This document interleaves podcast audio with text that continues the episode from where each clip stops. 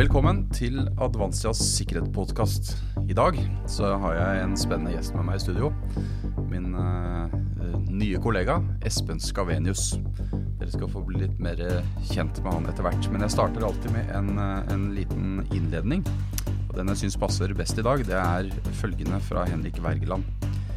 En hemmelighet er din fange så lenge du bevarer den. Men du er dens fange dersom den blir kjent. Denne syns jeg er veldig passende uh, intro til min gjest i dag. Uh, og hør resten av podkasten, så skal dere forstå hvorfor. Espen, først litt om deg. Uh, fortell litt om hva du har jobbet med, og hvorfor du nettopp har begynt som leder i Advansia hos oss. Jo, takk for det, Jack. Um, 47 år, bosatt på Sørumsand. Um, Utdanna politi. 18 år i Oslo politidistrikt, hvor 12 av disse var som krise- og gisselforhandler, og etter hvert med lederansvaret for denne tjenesten, som også er kalt KGF.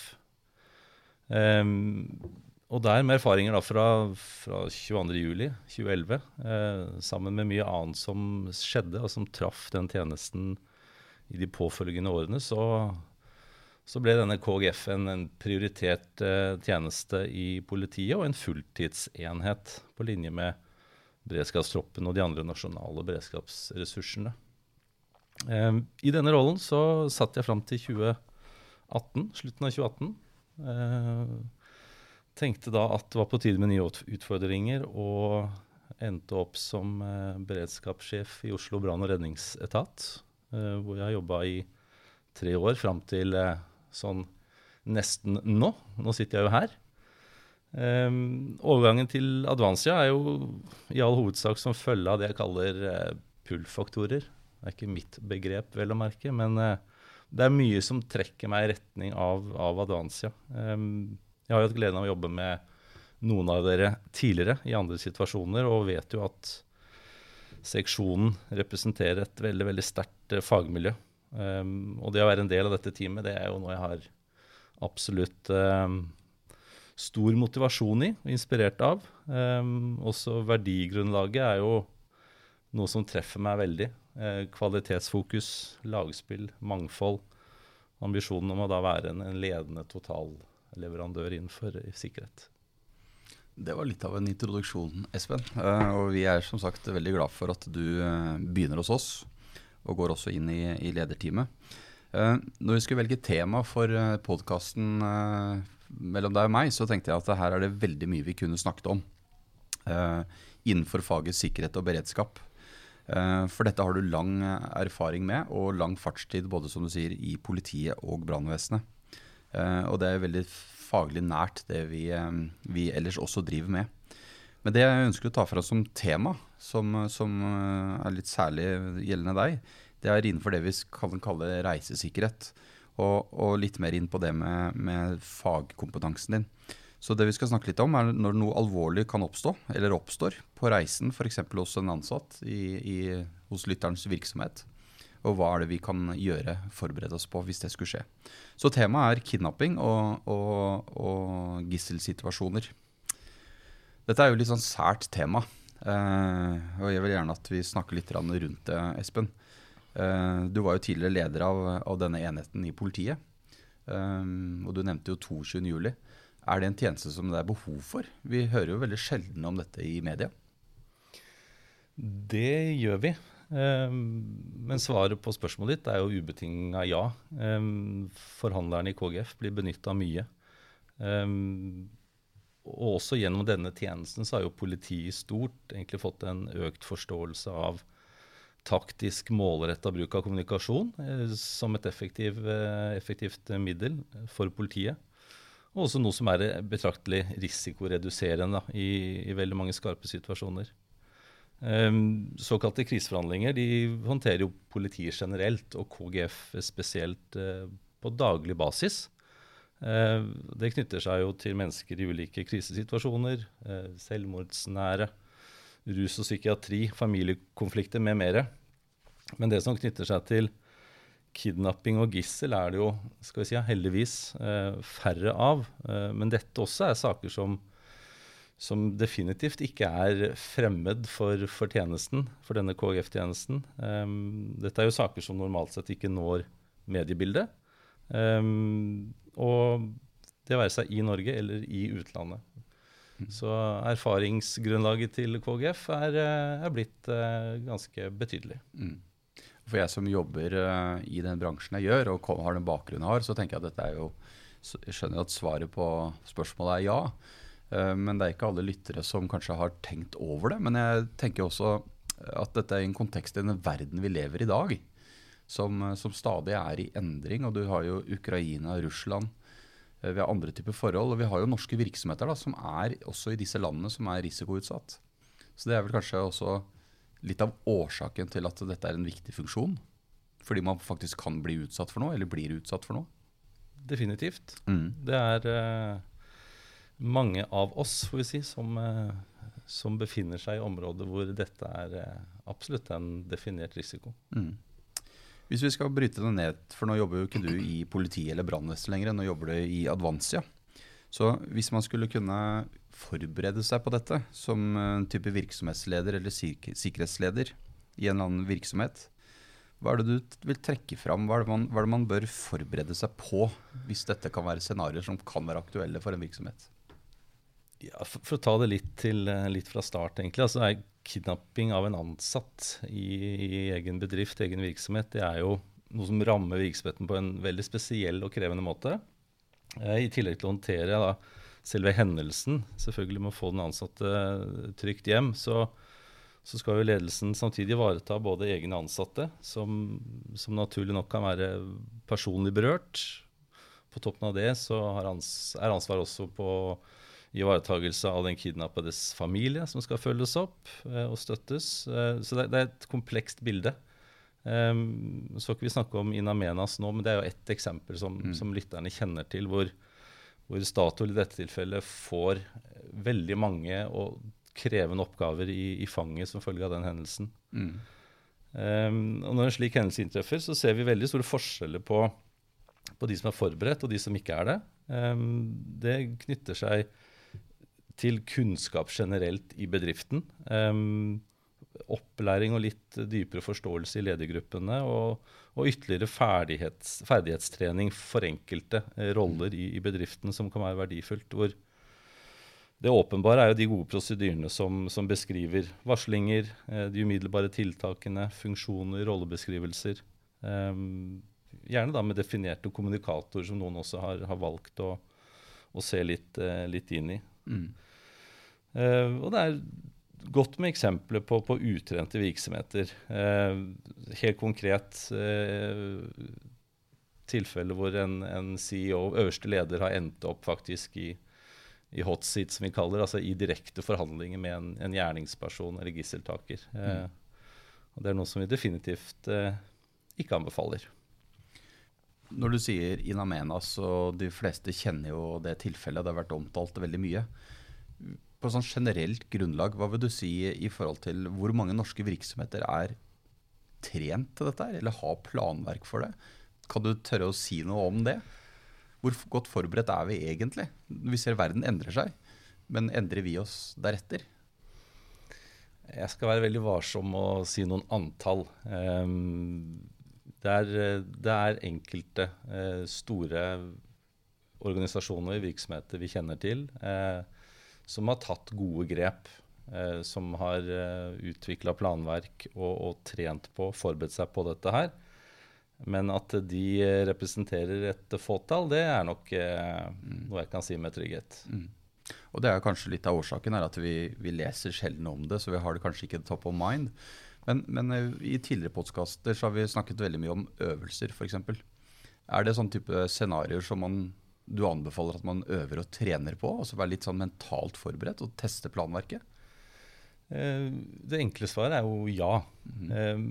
Fordi som jeg var litt inne på i stad, så er dette det er komplekse saker. Det treffer virksomheten på ganske mange og forskjellige måter. og det er behov for at mange har en viss kunnskap. Det er behov for at noen færre har en bedre forståelse. Og så er det gitte tilfeller viktig at det enkelte har, har, ferdigheter som har faktisk trent på håndverket. Mm. Uh, så kommer vi inn på dette med er dette, er dette noe som en, en, bedrift bør og kan håndtere alene. Uh, der tenker jeg svaret er nei. Uh, der er det viktig å se på de ressursene som, som er tilgjengelige. vi vet at politiet er noen. vi vet at myndighetsapparatet i stort kan, kan bistå, men, men, det er ikke noe tvil om at fagressurser er, er verdifulle i, i, alle disse situasjonene. Mm. Kan jeg bare stille spørsmålet, og det kan du sikkert ikke svare på, men hva er ofte motivet bak en sånn type hendelse, hvis du ser på det verste tilfellet av, av kidnapping f.eks.? Vi har vel eh, godt belegg for å si at penger eh, alltid er ett motiv. Mm. Veldig ofte så er det selve motivet. Mm. Eh, men selv i terrorrelatert kidnapping og gisselsituasjoner så er ofte penger også et, et helt avgjørende element. Mm. Jeg ser at det er mange dilemmaer vi kunne diskutert, men vi skal ikke ha en podkast på flere timer, så jeg skal ikke dykke ned, mer ned i det, Espen. Men, men, her er det veldig mange faktorer som er interessante å diskutere i forhold til uh, hva skjer hvis man betaler. Uh, betaler man til en terrororganisasjon? Er det, er det terrorfinansiering? Altså, det er mange problemstillinger som jeg får opp i hodet, men, men, vi skal ikke gå inn på det. Det jeg har lyst til å rute det litt mot, som er liksom litt utenfor scopet det er jo det vi ser mer av i dag, som vi kan lese om i hvert fall. Det er jo kidnapping av informasjon, hvis vi kan få lov å kalle det det. Altså noen sperrer informasjonen din, eh, tar, krypterer innholdet, og så skal man ha løspenger. Kan man bruke samme type teknikk til å forhandle seg fram til å få fram data, eller eh, er det samme prinsippene man burde forholde seg til? Det er definitivt mange gjenkjennbare og sammenlignbare prosesser. Um, det er snakk om at man er havna i en situasjon man ikke ønsker. Noe er fjerna fra deg, om det er et, eh, et, eh, et, menneske, eller om det er informasjon, eller om det er eh, produkter som, som andre har tatt eller informasjon, som nevnt, så, så er det jo helt avgjørende for eh, eier av eh, si, denne asseten, da. Mm. Helt avgjørende at de kommer tilbake til en normal situasjon så fort som mulig. Eh, gjerne med færrest mulig kostnader på veien, eh, og at det skjer så, så hurtig som mulig. Mm. Og Her er det mange feller å gå i. Eh, eksempelvis det å bare betale det som det bes om umiddelbart, er også en kan være en høy risiko mm. eh, for ikke nødvendigvis oppnå det målet du, du har satt deg. Mm. Så svaret er ja. Det er eh, absolutt grunn til å tenke at den samme taktikk kan brukes i, i de sakene. Mm. Og Det tenker jeg kanskje blir mer og mer aktuelt som en type tjeneste også. fordi det er det vi ofte leser om, og vi vet at dette er, er ting som skjer eh, ofte for, for, næringslivet. Jeg skal litt over på en case, Espen, sånn at vi kan liksom trekke det litt til det praktiske. Uh, du som lytter, jobber i en stor norsk virksomhet og har en pågående operasjon i utlandet. Og det varsles om uroligheter i virksomheten, eller i det landet der virksomheten holder til. Og der har man også flere ansatte. Urolighetene antas komme fra et politisk kupp, og utenlandske statsborgere er ikke veldig populære. Og myndighetenes anbefalinger er foreløpig ikke kommunisert. altså Man vet ikke helt uh, situasjonen. Virksomheten er avhengig av fortsatt drift. Og hva bør man da egentlig gjøre? Hva må man planlegge for, og hvordan går man fram? For det første så vil jeg håpe da, at det er noen, eh, noen generelle beredskapsplaner som, eh, som, er eh, forberedt allerede, uavhengig av dette spesifikke scenarioet. Men, men, når det er noe som nærmer seg så konkret som det her, at du har et, et scenario som, som, bygger seg opp, og man kan, man kan se konturene av noe, så, så, er det, så er det definitivt ikke bare verdifullt, men nødvendig å se på en sånn mer situasjonsbetinga plan. Hva gjør vi hvis, dersom at, knyttet til det man kan forvente av risiko. Um, og Det kan være veldig mye, um, men bare for å ta noen stikkord der. altså Du har um, samvirkeaktører. Uh, hvis det skjer noe nå, hvem skal vi spille på i dette tilfellet som er verdifulle for oss? hva skal vi gjøre med eksponeringen vår? Hvordan skal vi forebygge at uh, at vi blir utsatt. Spesielle safehouse kan være et tema. Uh, ja. De enkle tingene er også vesentlig. Bekledning, safekit. Uh, ikke for å dra noen, noen, lange paralleller, men vi har jo gode eksempler også på mm. at de små tingene også har redda liv. Mm. Eh, bare det å ha med seg nødvendige remedier eh, når du er på, er på jobb. Mm. Så Det betyr egentlig at hvis man forbereder seg, og legger planer for noe, så kan man opprettholde normaldrift. Man kan fortsette eh, virksomhetens aktiviteter selv om det er uro uroligheter. Og Så ender det med en risiko et eller annet sted, så er det spørsmålet om man er akseptert eller ikke.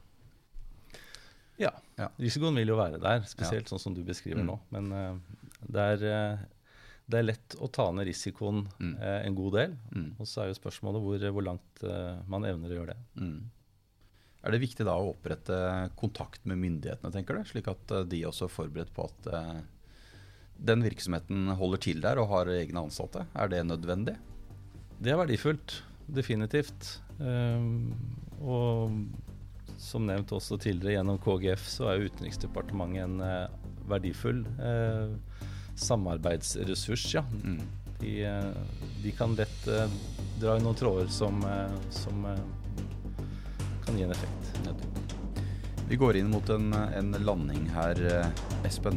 Vi skal ikke trekke dette ut i det lange, men jeg syns det er veldig interessant det du tar opp. Så jeg liker å gjerne gi noen sånne gode råd. Da. Så hvis, jeg, hvis du kan oppsummere litt det vi har snakket om, hva er de tre viktigste rådene du kan gi til virksomheter eh, og virksomhetsledere knyttet til dette temaet vi har snakket om? Um, ja.